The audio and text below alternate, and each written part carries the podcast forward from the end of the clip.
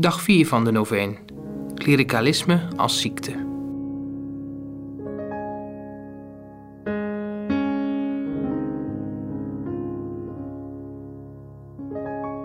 Klerikalisme, of het nu door priesters of door leken tot stand komt, leidt tot een snee in het kerkelijke lichaam die veel van het kwaad dat we vandaag veroordelen bevordert en in stand houdt.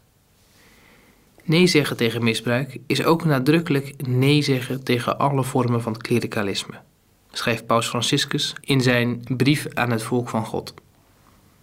Iedere gemeenschap heeft behoefte aan leiding.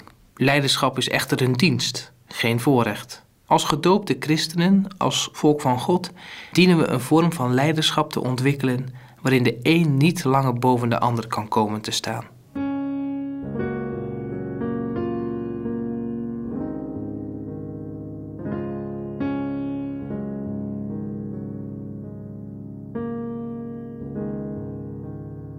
God, U alleen zijt de Heer.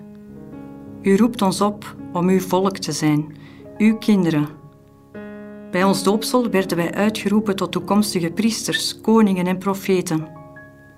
Het is prachtig dat er mensen zijn die zich op een bijzondere wijze toewijden aan U. Maar dat maakt hen niet beter dan wie dan ook van ons.